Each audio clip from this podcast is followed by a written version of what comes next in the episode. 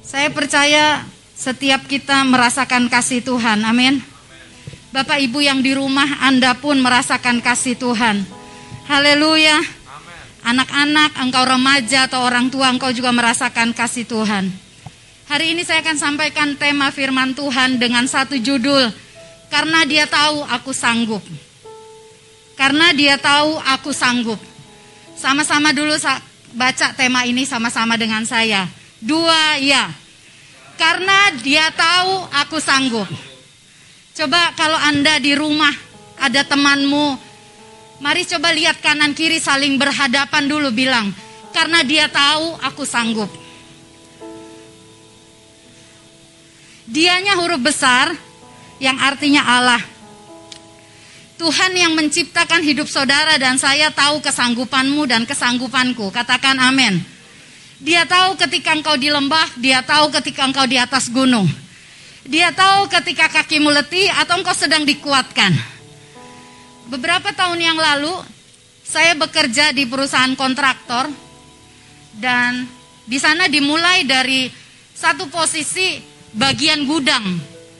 Hanya mengurusi material-material, tapi bertambah tambah tambah akhirnya di akhir terakhir saya di satu perusahaan kontraktor ini sebagai HRD dan GE bagian umum.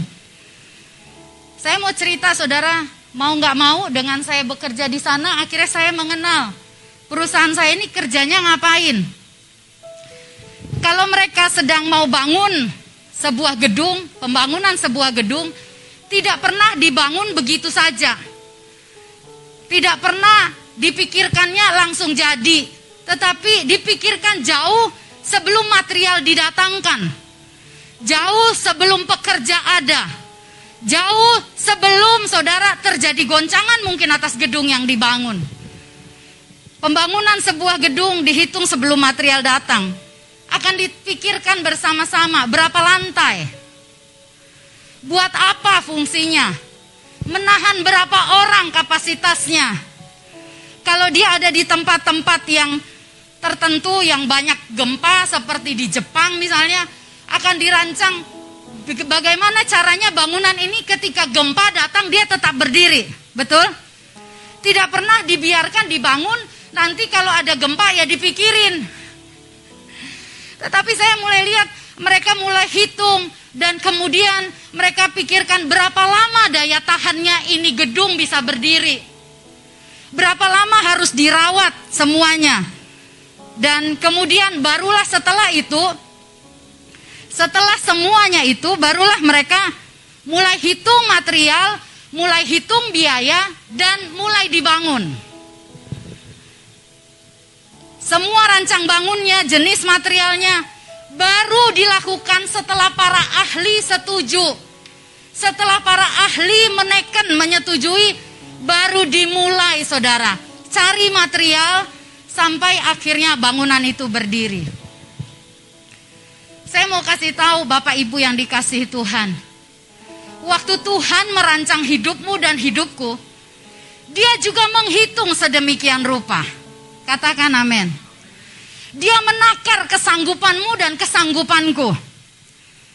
Makanya dikatakan dia tahu hari-hari yang belum engkau saya lalui. Katakan amin. Saya ingat saudara di usia sekarang ini Tuhan sudah tahu jauh ketika saya masih ditenun di kandungan ibu saya. Apa yang hari ini engkau alami, Bapamu di surga sudah lihat hari-harinya. Tapi sering kali kita lupa, kita merasa kita sedang bertanding seorang diri. Kita merasa kita korban, kita merasa ini kita jalani akibat sesuatu saja. Sampai kita lupa bahwa kejadianmu dan kejadianku dahsyat dan ajaib. Kejadianmu dan kejadianku dahsyat dan ajaib. Kalau untuk gedung saja, seorang yang ingin membangun menghitung sedemikian rupa. Untuk seorang anak manusia, dia menghitungnya begitu cermat. Dia tahu daya tahan ketika goncangan datang Makanya kalau engkau sedang mengalami goncangan, gak usah bandingkan dengan orang lain. Haleluya. Mari buka ayat firman Tuhan 1 Korintus 10 ayat 13.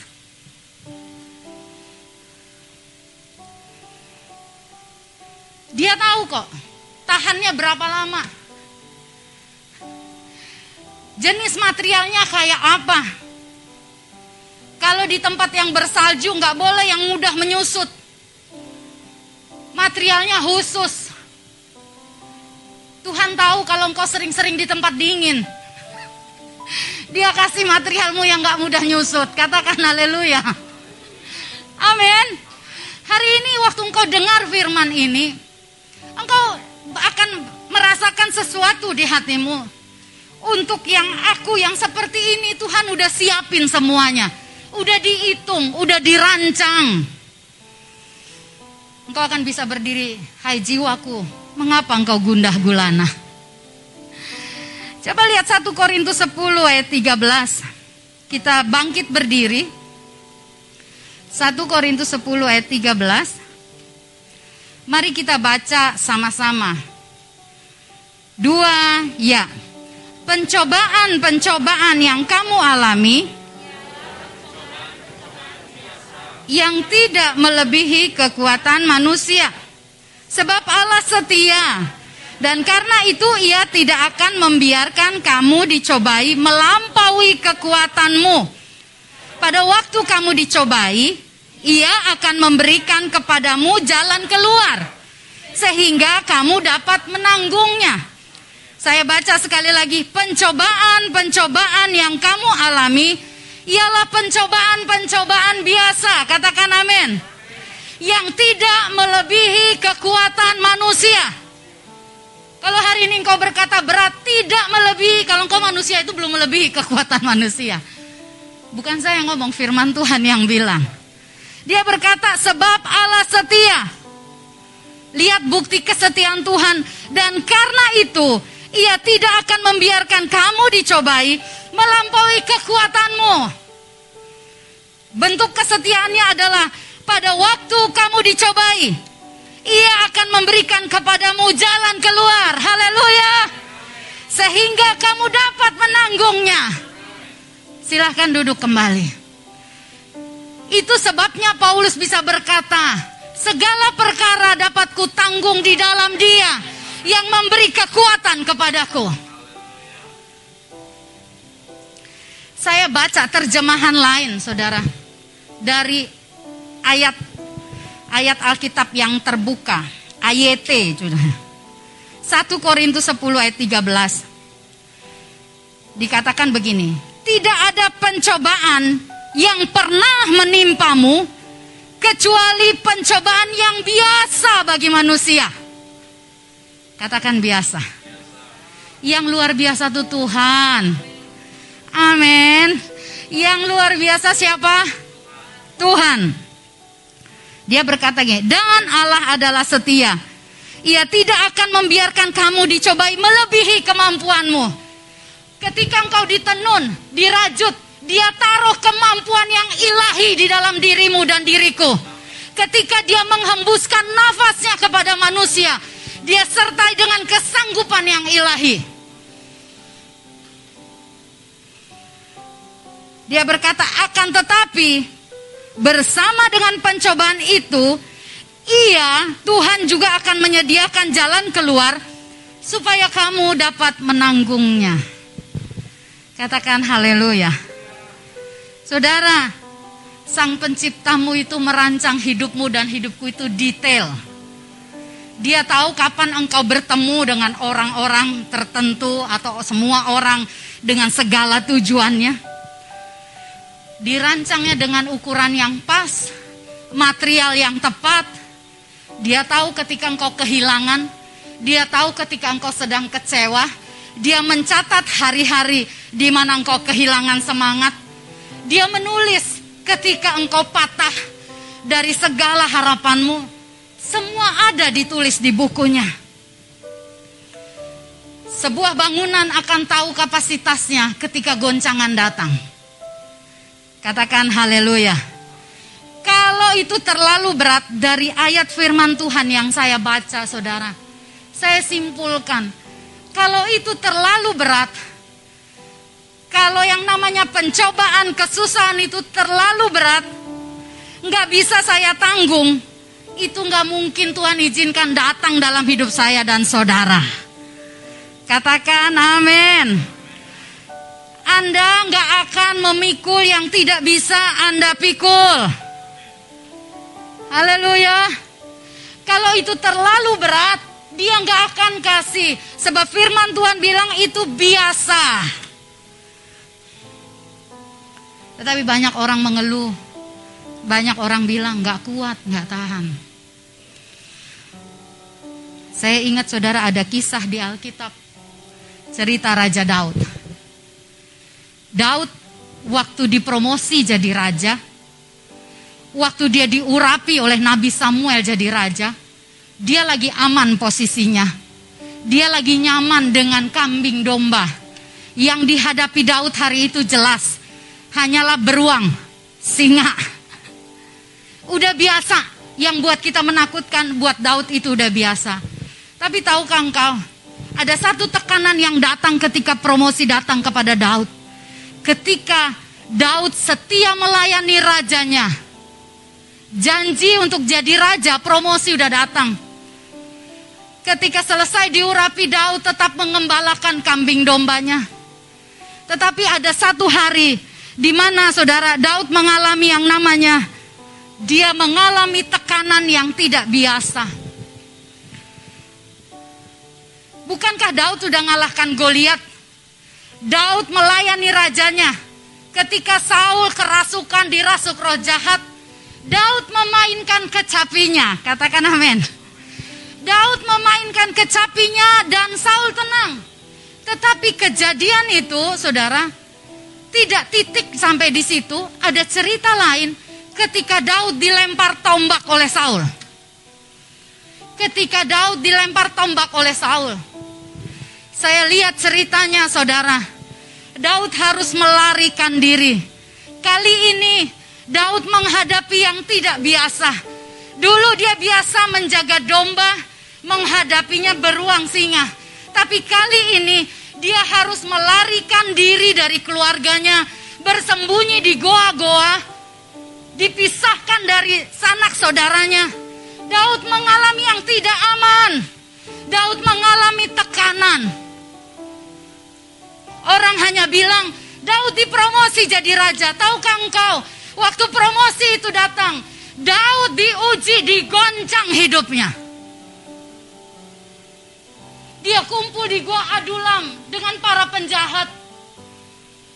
Ada catatan-catatan di kitab yang mencatat Daud mengalami sesuatu yang menekan, berpura-pura jadi orang gila.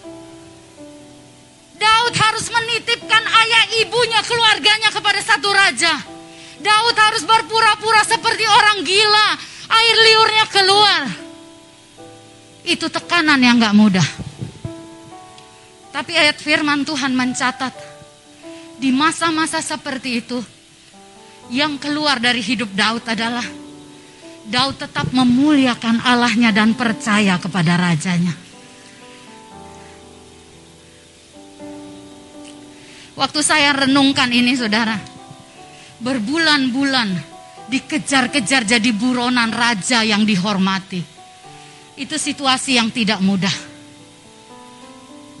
kalau bangunan, bangunan hidup Daud lagi digoncang. Daud mungkin akan bilang lebih baik aku jadi gembala domba. Aku nggak perlu jadi raja. Kalau hari ini hidupmu sedang mengalami goncangan, tahukah engkau Tuhan sedang mengokohkan bangunanmu. Dia sedang berkata, engkau nggak tahu apa yang sanggup engkau pikul nak.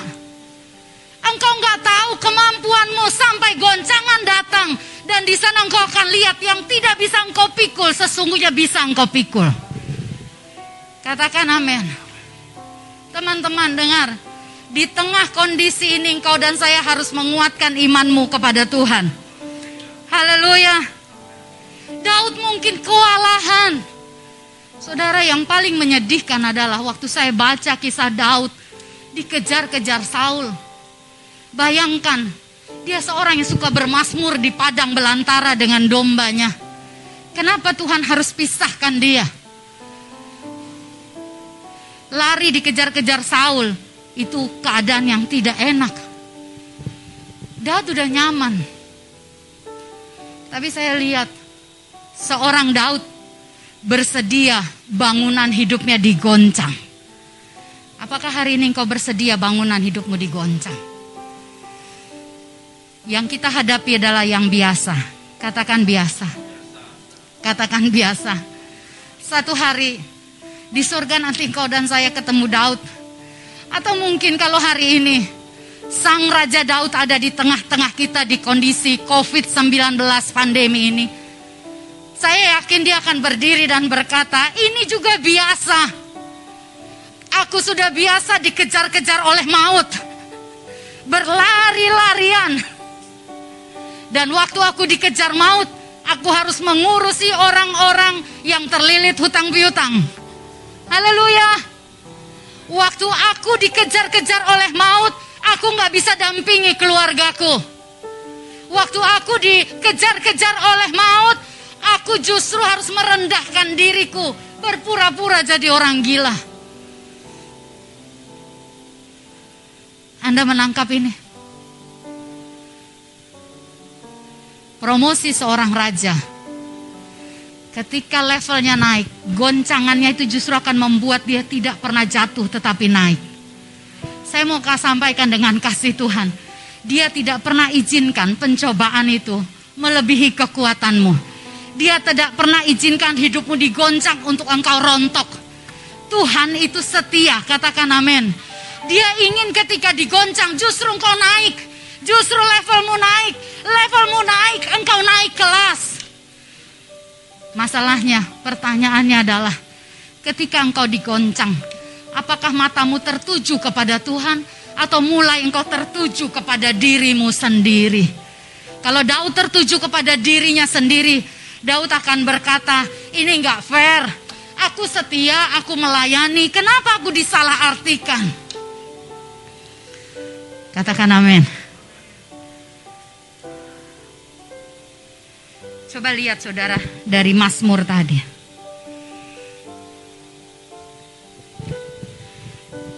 Tidak mudah. Tetapi saya mau katakan, goncangan hanya akan membuat iman kita naik level. Haleluya. Haleluya. Ada satu pendeta bilang begini, kalau engkau menduduki area yang baru, level yang baru, maka setannya jenis yang baru. Pertandingannya yang baru. Jangan cuma ngomong berkatnya yang baru, pertandingannya juga yang baru. Haleluya. Coba lihat Mazmur 139. Mari bangkit berdiri kembali. Tuhan merancang hidupmu dan hidupku jelas. Katakan jelas. Ayat 15 sampai 16. Mazmur 139.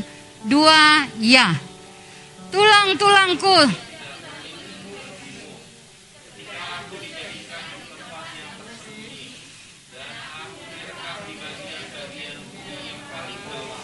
matamu melihat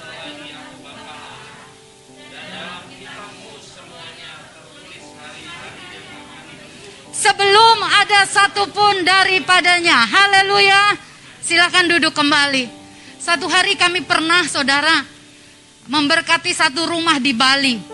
Sedemikian menurut saya itu cukup besar, cukup mewah.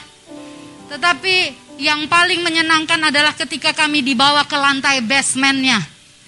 Di lantai basement itu ada satu ruangan mungkin lebih gede itu dari rumah kami waktu itu. Isinya di sana ada pompa hidrannya, ada penampung airnya dengan segala instrumen untuk kebutuhan rumah yang mewah. Tidak terlihat, tetapi justru yang dari lantai basement itulah yang membuat rumah itu lampunya menyala, airnya mengalir, Saluran listriknya tidak kocar kacir, semua tertata dengan baik. Ada di mana itu di ruang basement. Firman Tuhan bilang begini, tulang-tulangku tidak terlindung bagimu ketika aku dijadikan di tempat yang tersembunyi. Tidak terlihat, tapi di sana Tuhan sediakan semua fasilitasnya. Dan aku direkam di bagian-bagian bumi yang paling bawah. Rumah yang megah, di topang ada ruangan bawah yang tidak terlihat. Orang hanya mengagumi bangunannya, tetapi dari ruang tersembunyi itulah di topang yang membuat rumah itu indah. Tahukah engkau teman-teman, yang membuat hidupmu kokoh kuat, engkau bisa menghadapi semua halangan. Karena engkau tahu, engkau direkam di tempat yang tersembunyi oleh Tuhan. Allah yang tidak terlihat itu menyediakan semuanya bagimu dan bagiku. Haleluya. Dia menghitung yang akan kau hadapi. Dia melengkapi engkau dengan tekad, keberanian, stamina rohani, ketabahan, engkau dan saya dilengkapi dengan itu. Coba sama-sama tepuk dadamu dengan tangan kananmu. Bilang sama-sama dengan saya, aku percaya ketika aku ditenun, dirajut oleh Allahku, di bagian bumi yang tersembunyi, yang paling bawah, aku dilengkapi dengan keberanian, dengan stamina yang kuat. Karena dia ingin aku menaklukkan setiap pencobaan biasa yang harus aku lewati. Amin. Amin.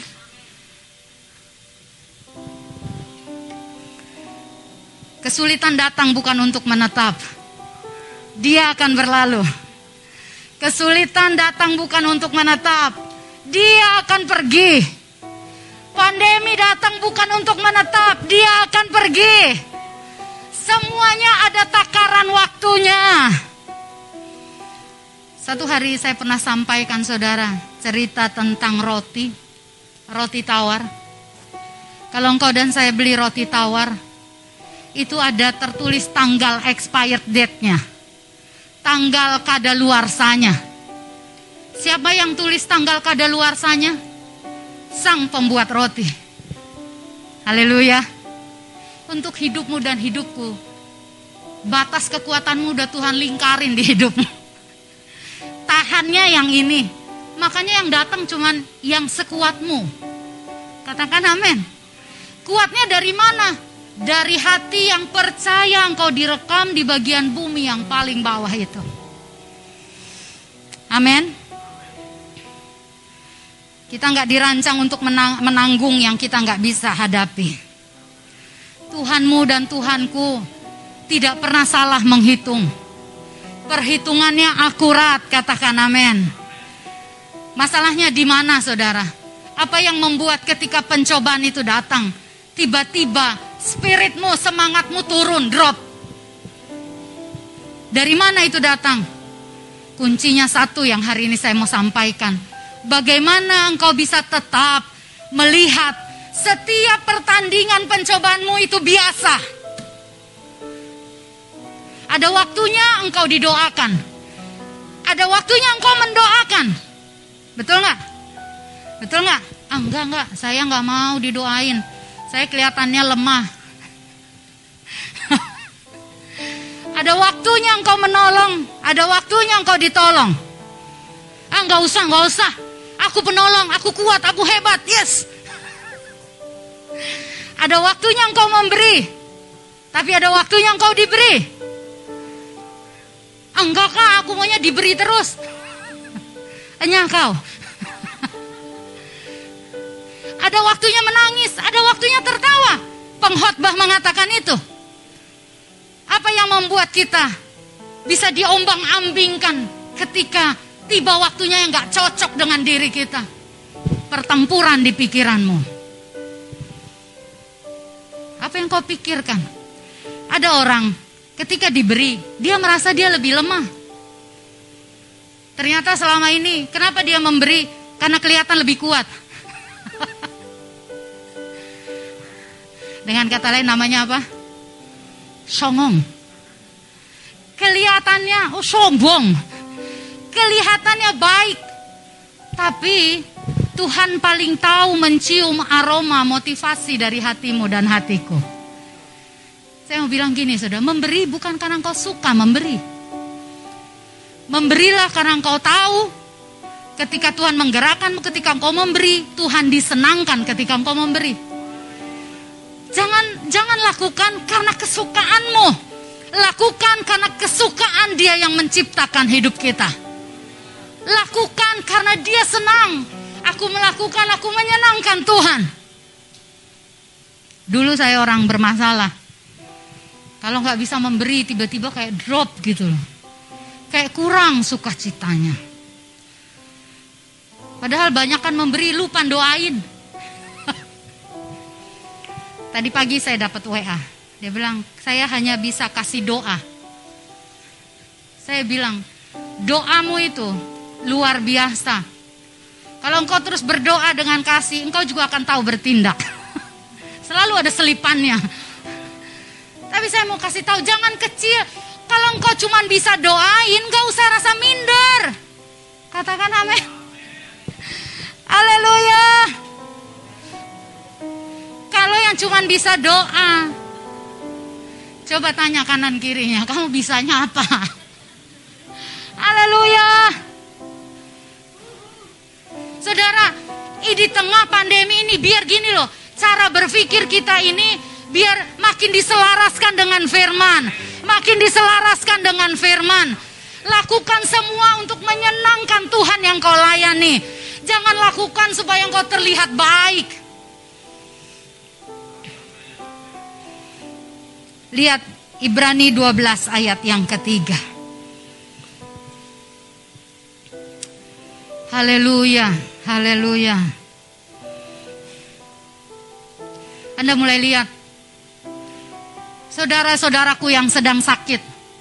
Pertandinganmu adalah pencobaan biasa Pencobaanmu pencobaan biasa. Mungkin Anda akan bilang, oh yang khotbah ini nggak tahu. Nggak semua harus kita tahu. Yang paling penting ku tahu, Tuhan sedang menuntunku ke mana. Ada waktunya engkau nggak bisa jawab, kau harus bisa bilang, aku memang tidak tahu. Khotbah begini baru berasa saudara. Saya nggak bisa lihat saudara senyum atau mengkeret atau nguap. Apalagi kalau matanya segaris, saya lirik gitu kan. Ada yang bilang begini, kak, kakak lihat aja dari sinar matanya, orang matanya segaris gini ngelihatnya gimana?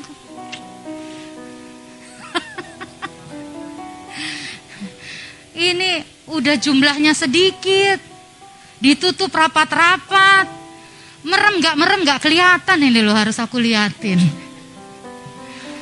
Coba lihat Ibrani 12 ayat 3. Kalau engkau sedang mengalami goncangan, ke mana pikiranmu engkau arahkan? Ke mana matamu engkau arahkan? Siapa yang kau lihat? Siapa yang kau dengar? Apa yang kau baca? Ke mana hatimu engkau tujukan? Paulus ngalami disesah, di penjara,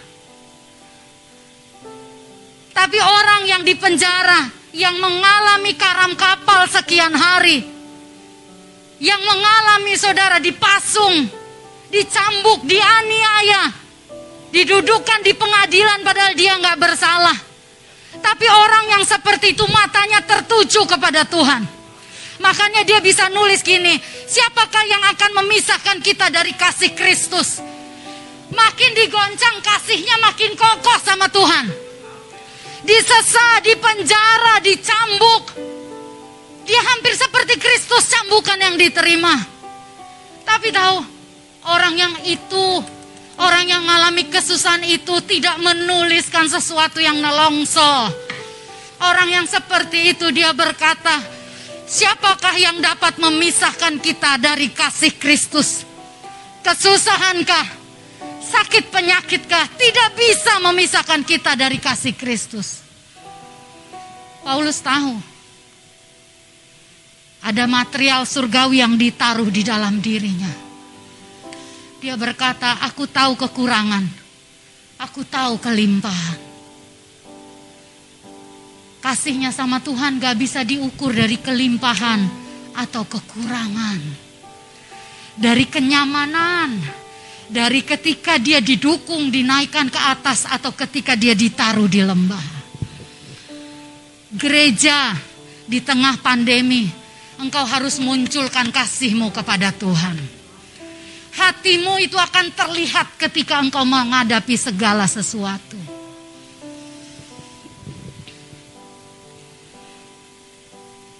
Mari kita bangkit berdiri baca Ibrani 12 ayat 3. Saya percaya jemaat GPI Kemah Pujian atau siapa pun engkau yang menyaksikan tayangan ini. Biar engkau dikuatkan. Engkau diingatkan siapa dirimu di dalam Kristus. Siapa engkau? Apa yang kau terima ketika Allah menghembuskan nafasnya kepadamu? Kita baca Ibrani 12 ayat 3. Dua ya. Ingatlah, Ingatlah selalu akan dia yang tekun menanggung bantahan yang sehebat itu terhadap dirinya dari pihak orang-orang berdosa supaya jangan kamu menjadi lemah dan putus asa. Haleluya. Amin. Silahkan duduk kembali. Paulus mengingatkan ini saudara. Kalau engkau sedang mengalami pencobaan yang notabene ditulis biasa. Tetapi buat daging ini berat. Buat daging ini susah. Buat kenyamanan ini tidak biasa. Saya mau kasih tahu biarlah matamu terarah kepada dia Siapa dia? Tuhan kita yang tekun menanggung bantahan yang sehebat itu terhadap dirinya. Ingatlah ketika engkau mengalami kesusahan, kesakitan. Bukankah Yesus memikul salib, menyelesaikan perjalanan di atas kayu salib? Tekun, tekun, tekun.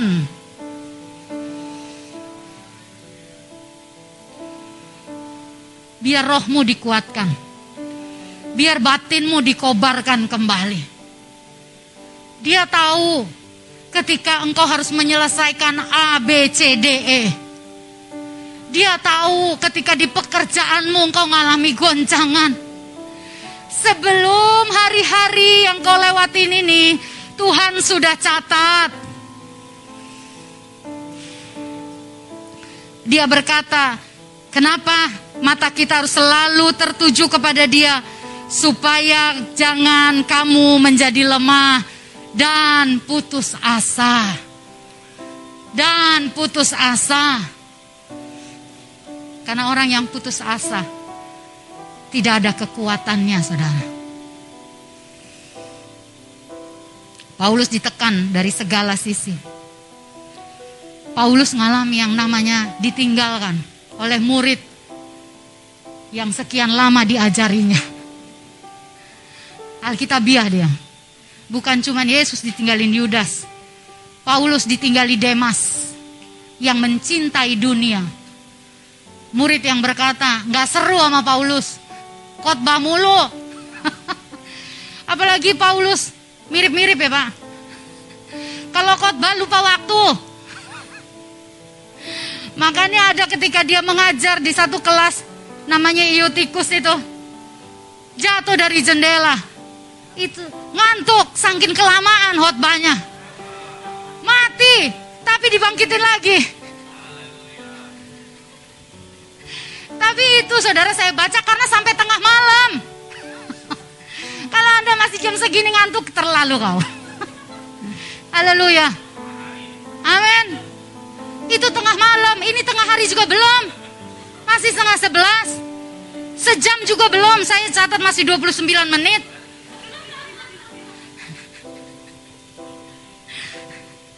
Haleluya. Tapi Paulus ketika ditinggalkan oleh Demas, Paulus matanya ke Tuhan. Paulus menunjukkan dia bilang, ah Yesus aja ditinggalin.